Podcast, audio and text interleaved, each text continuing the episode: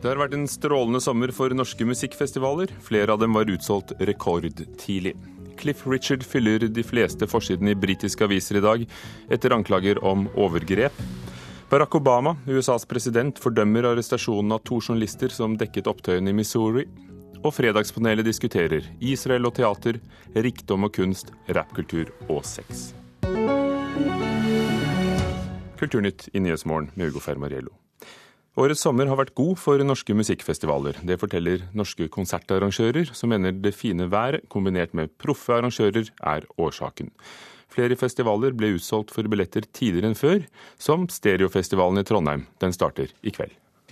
Eh, vi er utsolgt. Eh, har vel strengt tatt vært utsolgt for de beste billettene i over en uke. Og de aller siste fredagspassene de gikk for tre dager siden. Og Det er første gang vi har vært utsolgt dager før festivalen åpnet. Det forteller Nils Heldal, sjef for Stereofestivalen.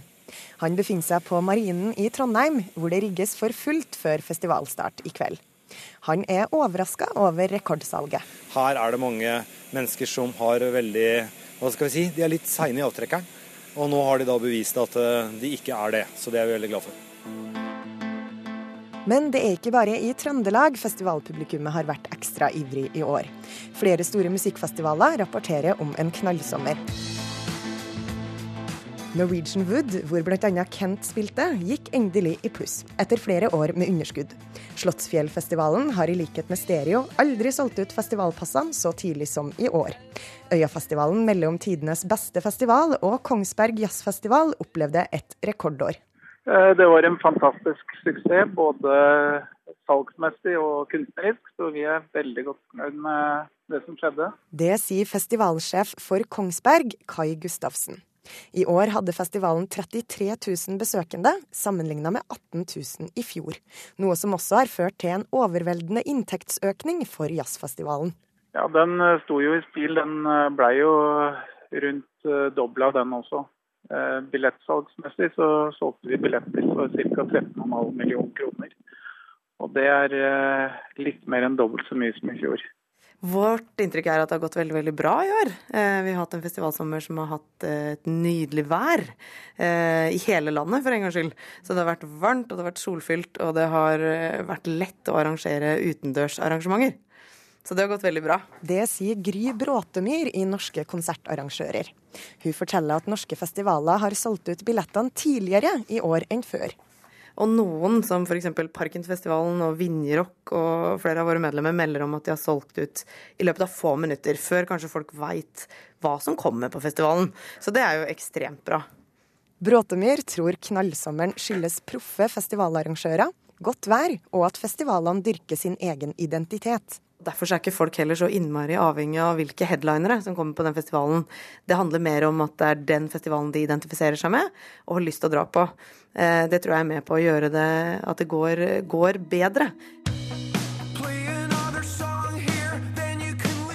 Kveld står artisten Biffy Clyro på scenen når Stereo går av stabelen. Festivalsjef Heldal tror det er kulturopplevelsen som trekker publikum til hans festival, men at det også er enklere å booke store artister nå enn før. Altså Platebransjen, eller CD-bransjen, eller hva du vil kalle det, har jo endret seg. Før var det skiver og CD-er man tjente penger på. Eh, for en del år siden så ble jo det skiftet til at det var live. Så det kan også ha noe å gjøre med at artistene er mer gira på å spille live. Altså Det er lettere nå å se store artister enn det var før. Eh, det gjør jo selvfølgelig at eh, hvis du er musikkinteressert, så går det på mer.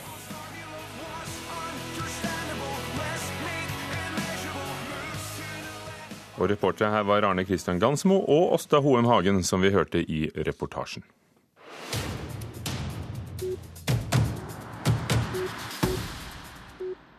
Den engelske popstjernen Cliff Richard avviser påstanden som ble fremsatt i britisk presse i går om at han skulle ha forgrepet seg på en gutt i 1985. I går ble et av artistens hus undersøkt av politiet, mens pressen sto utenfor. Og Espen Aas, vår London-korrespondent, hva skriver avisene i Storbritannia i dag? Mye handler om at uh, sir Cliff uh, avviser disse beskyldningene. Uh, jeg er fullstendig uskyldig, skriver Daily Mail på sin forside. Sir Cliff insisterer jeg er um, ingen pedofil, heter det på den konservative um, avisen Daily Telegraphs forside. Cliff Richard nekter for sexanklage etter husransakelse, står det i, i, Guardian. Og av de mer um, skal vi si, tabloidoverskriftene så har vi Daily Star som forteller om Cliff Richards barnesexsjokk. Og også raseriet over politiets uh, ransakelse av huset, skriver andre aviser om. Og det er uh, så godt som alle de store uh, avisene her i dag har dette på sin forside. På samme måte som også BBC for første gang på mange uker ikke hadde verken Gaza eller Irak som sin eh, hovedsak, men eh, bred dekning av denne saken i begge sine hovedsendinger i går kveld. Hva skjedde i går? Det var jo veldig lite som skjedde, og det er jo derfor uh, man kanskje kan bli litt overrasket over dette enorme mm, omfanget. Det eneste vi jo fortsatt vet, er at politiet hadde med seg en ransakelsesordre. Uh, kom seg da inn i huset til Cliff Richard, som selv befant seg på Algarvekysten i, Portugal, og var der inne i mer enn fem timer og gjorde beslag. og Saken er under etterforskning, men politiet har uh, samtidig presisert at de er i et svært tidlig stadium om Cliff Richard vil bli siktet, eh, om han, slags, om han er et slags vitne i denne saken, som da skriver seg tilbake til 1985 eh, under et svært folkemøte som en amerikansk velkjent pastor hadde i, i Sheffield. Ja, det gjenstår å se. Hvordan kan det da ha seg at dette blir så stor en sak i, over hele den britiske presse og er på alle forsidene unntatt to i dag? Mange har jo stilt eh, det spørsmålet, men samtidig må vi huske på at Cliff Richard er eh, virkelig ingen hvem som helst i eh, britisk musikkhistorie. Gjennom sju tiår har han hatt album på Fem på topp-listene. Han har representert Storbritannia i Grand Prix to ganger. Han har sunget for dronningen, han har sunget for de enorme massene på fotballkamper på Wembley osv. Han er kanskje den mest suksessfulle artisten gjennom tidene her i Storbritannia. Og hvis man eh, måler dette opp mot de mange andre sexavsløringene også som har vært eh, i Storbritannia nå de siste årene i kjølvannet av denne eh, fryktelige Jimmy Savile-skandalen, så er det kanskje ikke så overraskende at det blir oppslag. Bortsett fra da selvsagt at man vet veldig lite om Cliff Richards involvering i det hele. Ifølge avisen Metro så raser Cliff Richards selv mot det at pressen i det hele tatt var til stede under en uh, husransakelse. Hvordan kunne det ha seg at BBC og andre sto og ventet uh, da politiet kom? Ja, Cliff Richard sa dette da han uh, sendte ut uh, en slags pressemelding om, om ransakelsen i går. Han mener det var svært spesielt at de eneste som virkelig ble skikkelig informert om den ransakelsen, så ut til å være mediene. og Det hang da helikoptre over huset. Og BBC var selv så tidlig på stedet med en journalist og et kamerateam at de sto og kunne filme ankomsten til politiet da bilene kjørte inn til eiendommen.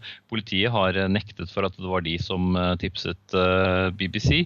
Men igjen, Cliff Richard er en eh, svært, svært eh, kjent mann, eh, både internasjonalt og i Storbritannia. Så noen så nok en viss interesse av å fortelle omverdenen om hva som var i gang. Cliff Richard selv har jo også sagt at han har vært klar over at disse anklagene har versert en god stund, og at de også har versert på, på internett. Han har jo et image som en veldig clean cut-artist. Den som har solgt mest singler i Storbritannia. 250 millioner plater plater har han solgt i, i sin karriere. Enormt populær, med andre ord. Hvilke, hvilken støtte får han av folk? Mange syns jo dette virker helt utrolig at han skal ha gjort noe slikt. Han har jo aldri vært en rock rebell på noen som helst måte. Dette var jo en mann som tidlig eh, fortalte om eh, sin, sin, kristne tro. Eh, som sagt, Det var jo et stort predikantmøte som eh, dette angivelige overgrepet skal ha skjedd på tilbake i 1985, hvor Cliff Fisher også var til stede. Eh, så han eh, anses jo som en helt annen person enn det man da kan få inntrykk av når politiet sier at de etterforsker ham i forbindelse med et overgrep på en gutt som var under 16 år da, for nesten 30 eh, år siden. Eh, så diskusjonene de går friskt eh, både på sosiale medier og i de mange nettavisenes kommentarfelter. Men fortsatt vet vi altså veldig lite om hva politiet egentlig forsøker å få ut av dette, og når de også kommer til å snakke med Richard selv. Han har sagt at han stiller seg til disposisjon, selvsagt, men foreløpig vet vi ikke når det skal skje. Takk skal du ha, Espen Aas i London. Du hører på Nyhetsmorgen i NRK. Klokken er eh, tolv minutter over åtte. KS vil ha frivillig rikslønnsnemnd for å stanse skolestreiken, men lærerorganisasjonene nekter, og det går mot storstreik fra mandag. Det skal bli vanskeligere å få tak i råstoff for å lage bomber. Myndighetene vil innføre forbud mot å kjøpe visse typer kjemikalier. Norsk matsikkerhet er truet, mener forbrukermyndighetene. De frykter nye regler etter eh, at EUs frihandelsavtale med USA trådte i kraft. Vi skal til USA, der Obama holdt pressekonferanse i går. And here in the United States of America, police should not be bullying or arresting journalists who are just trying to do their jobs and report to the American people on what they see on the ground. Her i USA skal ikke politiet arrestere og plage journalister som gjør jobben sin med å rapportere hva de sier, sa presidenten under pressekonferansen. Journalistene som dekket opptøyet i Ferguson i Missouri, eh, har eh, blitt arrestert, to av dem. Demonstrasjonene som har oppstått etter at en svart tenåring ble skutt og drept av en politimann i forrige uke, eh, har dominert nyhetsbildet i flere dager, men nå har situasjonen roet seg. USA-korrespondent Tove Bjørgaas, hvilke reaksjoner er det kommet på at to av journalistene ble arrestert? Det har kommet veldig sterke reaksjoner eh, på det. Det var altså en journalist fra Washington Post og en fra Huffington Post som ble arrestert inne på McDonald's i Ferguson eh, natt til i går, der de satt og ladet batteriene til utstyret sitt eh, fordi politiet sa at de skulle evakuere den McDonald's-restauranten. Obama sa at det er helt uakseptabelt at politiet ikke bare arresterer, men, men, slenger journalister inn i en brusautomat, som skjedde med en, en av disse to. Eh, redaktøren i Washington Post har vært ute og snakket om dette, og politisjefen i Missouri har eh, beklaget det på det sterkeste. Det viser at situasjonen i Ferguson i går var kommet helt ut av kontroll, og at politiet ikke klarte å, å håndtere verken sine egne retningslinjer eller det som foregikk. Hvilken rolle spiller nettopp Huffington Post, denne nettavisen? Jeg tror dette nettstedet har vært veldig viktig denne gangen. Ikke bare har de dekket dette veldig grundig, de har tvitret ustanselig om det som skjedde. Og det gjorde også journalisten deres som ble arrestert mens han ble arrestert mens som satt i politibilen, tvitret han hele tiden om hva som skjedde. De har også hatt webkamera kontinuerlig på demonstrasjonene. Og de har fått masse hashtagger fra folk som har vært engasjert i dette her, som har sendt ut ulike twittermeldinger og fått eh, demonstrasjoner til å starte rundt om eh, i landet. Eh, og de har altså en litt sånn annen måte å lage eh, forsidene sine på. Men i går så hadde de bare ryddet hele skjermen, og var, den store overskriften var bare 'Bagdad, USA'. Og så så det ut som en scene fra Irak-krigen, men det var altså fra Ferguson. Dette her tror jeg har hatt en effekt på amerikanere, eh, og spesielt det at det er ungdom som er rammet av det som skjer der, og som deltar. Det er også engasjert ungdom over hele landet. Hvordan forsvarer politiet arrestasjonen av journalister? Nei, De eh, sier at de hadde fått ordre om å rydde denne restauranten, og at alle måtte komme seg unna. Eh, men de har altså beklaget arrestasjonene, og, og, dette var helt tydelig noe som ikke skulle ha skjedd. Det har også oppstått en populær eh, emneknagg, hashtag, på sosiale medier i etterkant av drapet. Eh, den heter eh, 'If they gunned me down', hvis de skjøt meg. Hva ligger i dette, og hva er formålet? Dette er rett og slett en masse, masse mennesker som har tatt bilder av seg selv og, og, lagt ut de på, på Twitter og, og, og, tenkt at hvis jeg skulle, hadde blitt skutt, så var det dette bildet jeg, jeg tenker at, at, avisene ville brukt. At vennene mine ville lagt ut på sosiale medier for å minnes meg. Og det tror jeg har en, en, en sterk effekt, fordi denne Michael Brown som ble skutt, han var en helt vanlig en helt vanlig tenåring. Dette får nok mange ungdommer til å tenke på at det kan ramme en, en, en hvilken som helst den typen politivold som det virker som det var som skjedde i Missouri sist lørdag. Takk skal du ha, Tove Bjørgaas fra USA.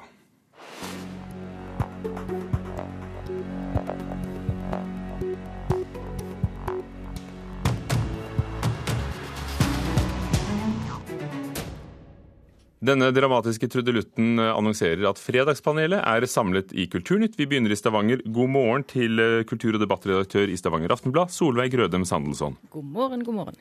Audun Molde, førstelektor ved Westerdals høgskole, tidligere NIS, og en kløpper på pop. God morgen. Anna Katarina von Matre, også redaktør, kulturredaktør i Minerva. Hei, hei. Første spørsmål. Det er et faktum at mange av landets kunstnere lever på knapper og glansbilder. Det har undersøkelser vist. Men nå skal Kunsthøgskolen i Oslo lære dem å tjene penger på kunsten. En kulturforsker mener det er på tide med en såkalt realitetsorientering. Kan kunstnere lære seg å bli rike på kurs? For det er nettopp det kurset sier at de skal. Audun Molde. Nei. Anna. Ja. Solveig Rødem Sandelsson. Ja. Hvordan i all verden skal de klare det, Solveig? Nei, jeg, jeg, tror jo ikke at de skal klare å lære å tjene seg rike, men eh, et sånt kurs kan jo lære de å ja, ja, i alle fall føre til at du slipper å gjøre alle tabbene sjøl, da. Etterpå. Mm. Audun? Nei, de kan ikke lære å bli rike på kurs. Men, men uh, alvorlig talt, eh, velkommen etter, sier jeg til Kunsthøgskolen. Altså, dette har vi holdt på med i mange år. Den typen utdanning, at entreprenørskap og hvordan kunstnere kan lære å omgjøre kunsten sin i salgbar form. Og Det er jo noe som er så viktig at det burde inngå i enhver kunstutdanning i Norge. Uh, og ikke bare som etterutdanning, men det burde være en integrert del av hele studieløpet, mener jeg. Altså, jeg mener, hvis vi hadde hatt én god, internasjonalt meget anerkjent uh, kunstskole i Norge, så hadde det kanskje ikke vært nødvendig. Fordi da hadde man fått uh, omgå bransjen, man hadde fått det nettverket som man trengte av seg sjøl. Eh, men når vi har bestemt oss for å ha så mange kunstakademier, og ingen av de holder et internasjonalt toppnivå De vil nok være uenige med deg der selv? Ja, noen vil være enige, ja. Så er vi i hvert fall nødt til å lære de næringsvett, da, hvis de skal kunne leve av det de faktisk er utdannet til. Ja, poenget mitt er at dette kan ikke ha status bare som en sånn etterpå-greie. Man må tenke sånn helt fra starten av i studiet. Ikke lage en konflikt mellom å tenke kunstnerisk og kommersielt, men få dette til å henge sammen.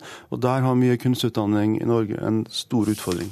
Solveig, kan det være at, eh, at verdiene kom på kant med, med kunsten? Altså det, det å nettopp markedsføre seg og det å leve for kunsten? Nei da. Det, det altså, såpass må en jo forvente av kunstnere at de klarer å holde den uh, tunga litt beint i munnen sjøl. Og selv om vi da bare skulle hatt én anerkjent uh, kunstutdanning her, så er det likevel nødvendig å lære seg hvordan du får kunsten din ut. Hvorfor er det mer nødvendig nå enn, enn før, siden det ikke har kommet noe kurs før? Det tror jeg, altså jeg tror ikke at det er mer nødvendig nå enn før. Jeg sier som Molde at velkommen eh, etter. Dette burde vært på plass for veldig, veldig lenge siden. For når du sier Molde, at dette har vi holdt på med lenge, hvem er vi? Nei, altså på NIS, eller Vesterålen som det heter nå, så har vi jo hatt kurs i entreprenørskap siden vi begynte høyskolestudier i 2011. På popstudiet hvor jeg jobber, så har vi hatt bransjekunnskapskurs for studentene siden 2004. For at man skal lære å forstå bransjen eh, og, og lære konteksten rundt det kunstneriske innholdet som man gjør. Og det er obligatorisk og, og integrert for alle. Må kunst følge markedets lover? Nei, men du må forstå markedet hvis du skal kunne bryte det i lovene. Ja, det var, det var godt sagt. Mm. Hmm. Neste spørsmål tar oss til Øyafestivalen og, og disse gutta her.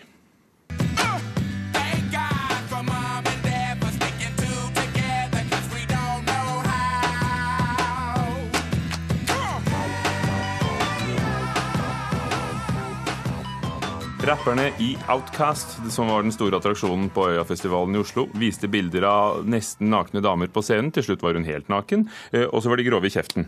Er det kjønnsdiskriminerende, eller er det bare god sørstats rappkultur? Hanna? Ingen av delene. Audun? Det er kjønnsdiskriminerende sørstatsrappkultur. Solveig? Jeg slutter meg til siste taler. Kjønnsdiskriminerende. Kan, det, kan dette forsvares ut fra dette kulturperspektivet?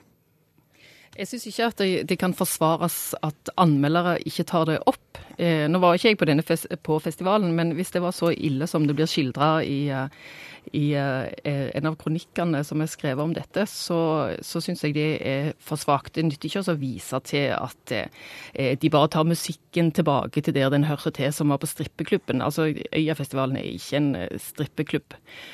Sånn at en kan ikke bare ta premissene for gitt og legge alt over på den, en kulturell kontekst, og så la være å tematisere det. Det er for dårlig, altså. Nå må jo si at uh, Hiphop-kulturen er jo en ganske mangfoldig global kultur som har utvikla seg over 40 år. da, så Man skal ikke skjære alt over én kam her. Men akkurat det som Outcast representerte, det er jo the dirty south. altså. Og det, De kommer jo fra et eller annet sted som kolliderer ganske mye med et normalt uh, norsk kvinnesyn og mannesyn. Uh, og disse tingene har jo skjedd før. men jeg blir nesten bare sånn oppgitt at jeg trekker på skuldrene over det. altså. Når man booker et sånt band, så vet man jo hva man får. Dette begynte også som en debatt eh, i avisene fordi eh, noen mente det var rart at ingen av anmelderne hadde grepet fatt i det. Det gjorde alle anmelderne da de spilte i Göteborg eh, noen dager etterpå. Er det rart? Anne? Ja, nå er jeg jo ikke enig i at det nødvendigvis er kjønnsdiskriminerende. Jeg mener bare det er udannet. Det, det, det, er mer pubertalt og smakløst, syns jeg, da. Eh, sånn, når de står oppe det gjort, tits and ass, det er jo sånn som man gjør på, på ungdomsskole, syns det er morsomt. Man gjør jo ikke det når man er voksen. Um, men det at de reagerer i Sverige er kanskje, og ikke i Norge, er kanskje ikke så rart. De har jo en større feministbevegelse i Sverige. Men en trenger jo ikke ha en stor feministbevegelse for å, å reagerer på eh, dameskrev eh, over skjermen som en del av uttrykket, eller tits, tits and ass. Så jeg syns ikke vi skal vise til at, eh, at, årsaken ligger i at Sverige er en sterk feministbevegelse her. Dette syns jeg anmelderne burde spandert noen setninger på. Er de grovere enn andre rappere, Audun? Nei da, det finnes mye som eh, er altså, mye verre enn dette her. Men altså, jeg er for så vidt også helt enig med, med det du sier. at dette, dette, har ingenting med feminisme å gjøre. Det er jo dårlig smak, og det er tacky. Det er jo eh, noen herrer på 40 år som gjenforenes og forsøker å, å holde karrieren på, på, skinner. Og de som syns at dette er stas, de får jo bare bruke tid og penger på det. Og så kan vi andre, det er nok av andre artister man kan, kan høre på. Men er det ikke rart at dette passerer i USA, som nettopp eh, stort sett er veldig bevisst på, på diskriminerende ytringer i det offentlige rom? Jo, men Det er jo mye dobbeltmoralisme i, i kulturlivet i USA. da. Det, de er jo ganske vant til uh, sånne ting der. Hmm. Flere skuespillere ved Nationaltheatret, og dette er neste spørsmål som dere skjønner, krever at teatersjefen stopper samarbeidet med det israelske nasjonalteatret Habima. De ansatte reagerer på at teatret holder forestillinger i de ulovlige bosetningene på Vestbredden. Og i dag skal teatersjef Hanne Tømte diskutere saken med sine undersåtter, før hun bestemmer seg for om det blir boikott eller ikke. Og hva er deres råd til henne? Bør hun og Nationaltheatret boikotte sine israelske kolleger? Nei tenderer svakt mot ja, men usikker. Solveig? Veldig usikker. Altså, det er første gang i Kulturnytt jeg har lyst til å svare pass. Hmm. Ja, men du skal få si mer enn det. Men du er ganske klar i din, eh, i, i din sak, eh, Anna Katarina von Matre. Ja, altså øh, Hittil så er det siste tallet så over 1900 drepte i krigen på Gazastripen, i et område som er på størrelse med Bergen. Det er helt åpenbart at at Israel må slutte å bombe Gaza, bare så det er sagt i, i, i starten. Og er kritisk til Israels angrep og de ulovlige bosetningene. Um, men jeg mener at det ikke er riktig å boikotte kulturelt og akademisk. fordi kunst og kultur og forskning det er ofte det som representerer de alternative stemmene. Det er de som kan komme unna med det også i, uh, i sånne regimer. Um, og hvis det finnes kritiske kulturelle stemmer, så blir de i hvert fall ikke flere av at vi boikotter de, da. Um, så, og så syns jeg det er et liksom, litt sånn prinsipielt ytringsfrihetsperspektiv her. At man, man, ser ikke på hva de sier, kun hvor de kommer fra. Det syns jeg også er, er litt illiberalt, rett og slett. Illiberalt. Audun? Alt dette her er jo de argumentene mot boikott som jeg også er veldig enig i. Eh, så handler jo dette helt konkret om at Eh, det israelske nasjonalteatret har statsstøtte, de er forplikta til å spille i ulovlige bosetninger, som er et brudd på internasjonal folkerett. Eh, mange teaterfolk og ansatte på Nationaltheatret reagerer på det. Hanne Tømte har utsatt denne saken over sommerferien. I mellomtiden så har det skjedd grusomme ting der. Og Hanne Tømte har sagt at dette kan få konsekvenser for teatrets framtidige samarbeid. Og da, Hvis jeg skulle gitt et råd til Hanne Tømte, så er det i hvert fall at de tar denne diskusjonen veldig veldig alvorlig og lytter til de ansatte og at de har en demokratisk avgjørelse eh, på hva de skal gjøre med dette her. Jeg synes jo, altså I utgangspunktet så er jeg jo skeptisk til å, å boikotte kunstnere av, av, samme grunn som alt nevnt her. Men så er det jo sånn at eh, på den andre siden så er ikke kunst og kunstinstitusjoner bare fri. De er jo ofte eh, institusjoner som eh, står makten eh, nær. Enten det er et fritt demokrati som vil ha frie institusjoner, eller de blir brukt politisk. Eh, og det vet ikke jeg hvor, eh, hvor det ligger henne i Habima. Det tror jeg er det han Tømstad prøver å finne ut av nå. Vil Nationaltheatret bli brukt uh, politisk hvis de er med i dette mm. samarbeidet? Og er de da med på uh, å støtte en måte å drive et nasjonalteater nasjonalt teater på som ikke er fritt i den grad det bør være det, men blir brukt i politisk propaganda eller ikke? Og det, Derfor jeg sa pass, for jeg vet ikke det. Jeg er sikker på at det er det Hanne Tømta prøver å finne ut av. For det er jo det, da, eh, Solveig Grødem Sandnesson. Hva med argumentet om at det er ofte i kulturlivet at de opposisjonelle og andre stemmene finnes? Ja, det, det, det er det veldig ofte. og Derfor er jeg skeptisk til at en, at en roper boikott uh, fort. da. Men dette er en ekstremt uh, komplisert uh, situasjon. Vi, vi hadde denne diskusjonen med, med Sør-Afrika i sin tid, og så har det også vært snakk om Russland nå i forhold til Ukraina og andre ytringsfrihetsperspektiver. Eh, bør kulturlivet i det hele tatt innlate seg på den politiske diskusjonen? Dette er fryktelig komplisert, men jeg mener jo at kunstnere har full rett som andre mennesker til å ha et samfunnsengasjement, og det er bra at kunstnere på Nationaltheatret tar opp dette, og ikke er bare inne i kunsten sin.